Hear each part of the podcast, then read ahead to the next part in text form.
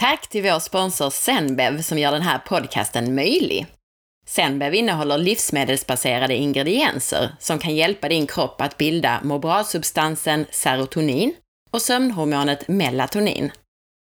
Huvudingrediensen är pumpafrömjöl som är naturligt rikt på tryptofan. Hej och välkommen till For Health med Anna Sparre. Idag ska vi prata om det som jag kallar för icke-evolutionär kost. För vad händer egentligen i kroppen när du äter mat som inte fanns under evolutionen? Det handlar det om i dagens avsnitt. Om du är nyfiken efter avsnittet så hittar du mer information på forhealth.se. Om du gillar det här avsnittet så blir jag jätteglad om du vill dela med dig av det på Facebook, Instagram eller till en vän. Ju mer du lyssnar, delar och recenserar, desto bättre går det att hålla podden levande med gratis information och intressanta intervjupersoner. Stort tack på förhand! En av de senaste recensionerna i iTunes är från Anna6402 som skriver Tack för en helt otroligt bra podcast. Så intressant. Kan knappt sluta lyssna. Har lärt mig massor. Kan varmt rekommenderas. Gå gärna in och lämna en recension du också. Du vet väl förresten om att du kan boka mig som föreläsare till ditt företag eller till privata grupper? Jag fick ju en fråga i förra avsnittet om evolutionen och jag ska inte ta hela historien, men däremot så ska jag idag prata om den mat som vi inte haft under evolutionen. Under evolutionen så fanns nämligen inte socker, som godis, kakor och läsk. Det fanns inte spannmål, som vetemjöl, bröd, flingor, pasta, couscous och inte heller spannmål i dess vidare bemärkelse med gryn som ris och majs till exempel. Under evolutionen så fanns det inte mjölk och mejeriprodukter och det fanns inte matfusk. Och med det så menar jag saker som tillsatser, konstgjorda fetter och lightprodukter. Men även odlad lax, spannmålsuppfödda djur och näringsutarmad mat, det bör få vara med under begreppet matfusk tycker jag.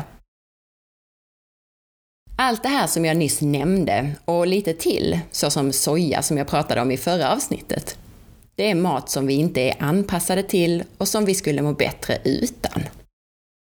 Vi ska gå igenom dem en i taget.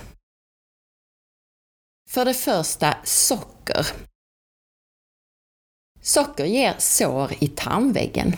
Det är helt tom energi som inte tillför någon näring.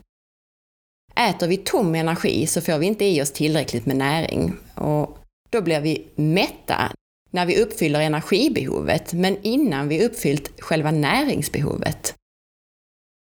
Socker är supersnabba kolhydrater och ger därför blodsockersvängningar och insulinpåslag, vilket både är fettinlagrande och inflammationsframkallande, alltså sjukdomsframkallande.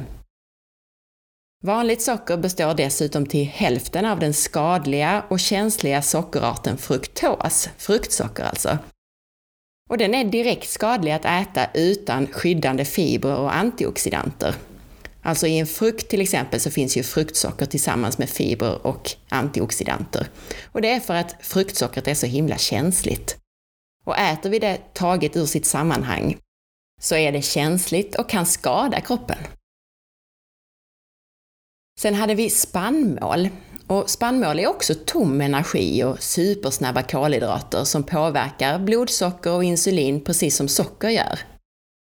Dessutom så är spannmål frön i en större mängd än vad vi är gjorda för att äta. För oss är det ju helt okej okay att äta en näve solrosfrön, men tänk ett veteax, det är ju en massa frön som ska bli nya plantor. Fröet är det som växten vill skydda mot att bli uppätet. Det är ju växtens barn som behövs för artens fortlevnad. Och därför förses fröet med växtgifter så att en art inte ska kunna överleva om den äter för mycket av det. Vi klarar bra av att äta en näve solrosfrön, men arten vete borde ha tagit koll på oss för länge sedan i den mängd vi sätter i oss vetets frön, när vi mal ner det till mjöl då till exempel. Som tur är så har vi mycket konstgjord andning och mediciner, eh, så vi lyckas ändå överleva. Men eh, det är ju faktiskt knappt att vi överlever, eller hur? Det är väldigt få som går en, en frisk ålderdom till mötes nu för tiden. Men summa summarum, det är alltså växtgifter i spannmål i större mängd än naturen tänkt. Och det är främst gluten jag pratar om här. Det är visat i forskning att gluten ökar tarmens genomsläpplighet. Det rätar immunförsvaret och det bidrar till autoimmuna sjukdomar. Dessutom, ett tecken på att vi inte hunnit anpassa oss till spannmål, det är att det inte bryts ner ordentligt. Proteinerna, gluten alltså, det bryts inte ner till sina beståndsdelar aminosyrorna, utan till större peptider. Större klumpar alltså, istället för de här små aminosyrorna. Och när de här klumparna, peptiderna, kommer ut i kroppen så retar det immunförsvaret och kan bidra till inflammation till exempel. Sen hade vi mjölkprodukterna och det är det som vi tål bäst av de här ämnena eftersom det vid något tillfälle har varit en överlevnadsfaktor för oss nordbor. Mjölkprotein är precis som gluten, det är svårt att bryta ner och kan gå ut i kroppen och reta immunförsvaret. Dessutom så pratade jag i avsnitt 14 om opioida peptider. Det vill säga de här för stora klumparna av mjölkproteinet som går ut i kroppen.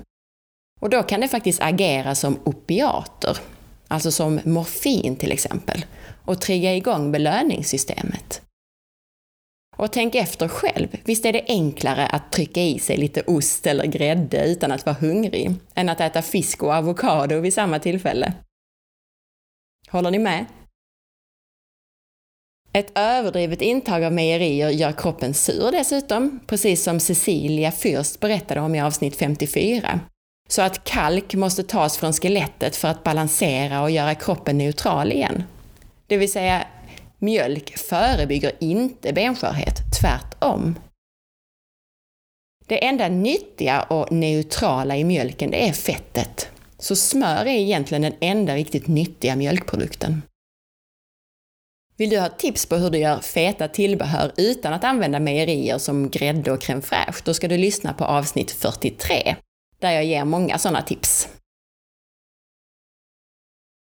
Sen hade vi det här med matfusk, det som jag kallar för matfusk. Jag ska ge ett exempel på matfusk så att du förstår vad jag menar. Lyssna på den här innehållsförteckningen. Skinka, salt, antioxidationsmedel E331, E301, maltodextrin, druvsocker, stabiliseringsmedel, E450, E451, surhetsreglerande medel E500, konserveringsmedel E250. Vet du vad det är? Det är helt vanlig kokt skinka från Scan i tunna skivor. Galet, eller hur? Man hade trott att skinka bara skulle vara skinka och salt. Och jag lovar dig att många av dina leverpastejer, charkprodukter, färdiga köttbullar, buljonger och annat har minst lika dåliga innehållsförteckningar. Dags att börja läsa helt enkelt. För att inte tala om glass förresten, lyssna på den här då. Skummjölk, vatten, glukosfruktossirap, vegetabiliskt fett, socker, vasslepulver, druvsocker, emulgeringsmedel, mono och diglycerider av vegetabiliska fettsyror, stabiliseringsmedel, guarkärnmjöl, fruktkärnmjöl och karragenen. Eller hur det nu uttalas. Och arom. Helt vanlig GB Big Pack vanilj. Ger du den till dina barn ibland? Dags att tänka om. När det gäller tillsatser under det här med matfusk, en liten tillsats gör antagligen ingen skada. Men vi sätter i oss enorma mängder varje år och en del lagras i kroppens vävnader. Det är ganska vanligt att tillsatser ger allergiska reaktioner som migrän, eksem och magont. Dessutom så ger en del koncentrationssvårigheter och några är cancerframkallande. Givetvis så gäller det inte alla tillsatser och inte var och en för sig. Men vissa tillsatser är värre än andra och ingen har forskat ordentligt på den så kallade cocktaileffekten, det vill säga när vi blandar och äter flera olika tillsatser. Sen hade vi de konstgjorda fetterna, transfetter och härdade fetter som finns i mat med extra lång hållbarhet till exempel. Och det kan finnas i kex och kakor, buljong, pulversåser och flytande margariner till exempel. Omestrat fett är det som finns i margarin och det pratade jag mer om i avsnitt 30. Men summerat så är de här fetter som vi absolut inte har ätit under evolutionen. Det blir som pusselbitar som inte passar i kroppens pussel. Kroppen tycker att de är främmande. Och som en liten parentes så finns det faktiskt naturliga transfetter just i liten mängd, men det är inte samma sak som de här konstgjorda som du hittar i mat som det fuskats med. Och sen nämnde jag också lightprodukter under matfusk. Ja, varför är det fusk? Jo, dels för att man tar bort naturligt fett och ersätter med andra ämnen för att fuska till sig konsistens och smak. Socker oftast för smakens skull och stärkelse, alltså snabba kolhydrater, för konsistensen. Men det är också matfusk för att man sötar saker som kanske inte ska vara söta. Dryck till exempel ska inte vara söt. Vi är gjorda för att dricka vatten. Punkt. Och inte nog med det, vi ersätter vanligt socker då i safter och läskor och annat med kemikalier. Aspartam till exempel, som har över 90 inrapporterade biverkningar. Och det jag rekommenderar med den här icke-evolutionära maten, det är framförallt då socker och spannmål, ta bort det helt eller så långt det går. Ät inte mjöl och socker, det är bara, bara dåligt. Mjölk. Egentligen så rekommenderar jag att du håller dig till smör som enda mejeriprodukt, men om du inte mår dåligt av mejerier så använd mejerier och mejeriprodukter för att förgylla maten. Man kan gratinera med, med lite ost och man kan göra en gräddsås en lördagkväll för att det är väldigt gott och sådär. Men ät inte bara mejeriprodukter, ät inte en massa yoghurt eller drick inte mjölk och så vidare, utan använd det till maten. Och sen rekommenderar jag också att bara välja fullfeta produkter. Använd då gärna riktigt smör och använd vatten som måltidsdryck, inte mjölk. Använd inga smaksatta eller sockrade produkter. Alltså heter det jord, jordgubbsyoghurt så är det alltid en massa socker i också.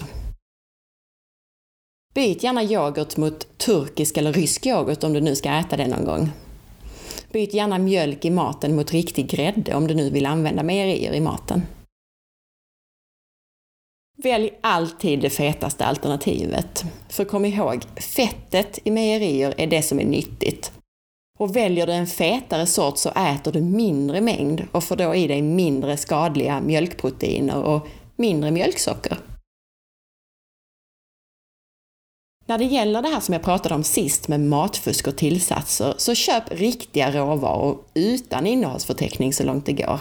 Alltså gå till grönsaksdisken och fiskdisken och så vidare. Och annars, om du behöver köpa någonting i en förpackning, så läs innehållsförteckningen. Även om det bara står skinka på förpackningen så lovar jag att innehållsförteckningen är längre än så. Se till att du förstår innehållsförteckningen och tycker att den känns okej. Okay. Välj bara naturliga fetter och inga lightprodukter. Så nu har jag alltså pratat om vad som inte fanns under evolutionen och som vi inte är anpassade till. Vad som däremot fanns, det var mer grönsaker, blad och rötter och så vidare. Mer vilda djur, mer ägg, mer fisk och mer naturliga fettkällor som avokado eller fett på djuret till exempel. Och det behöver ju inte vara särskilt svårt att laga mat med riktiga råvaror. Hur svårt är det att slänga lite grönsaker och en bit fisk i en stekpanna till exempel med mycket naturligt smör? Och att öppna en avokado som tillbehör? Hur enkelt som helst, eller hur? Jag lovar att det går snabbare än att gå ner till pizzerian på hörnet och vänta på din pizza. Tack för att du lyssnade!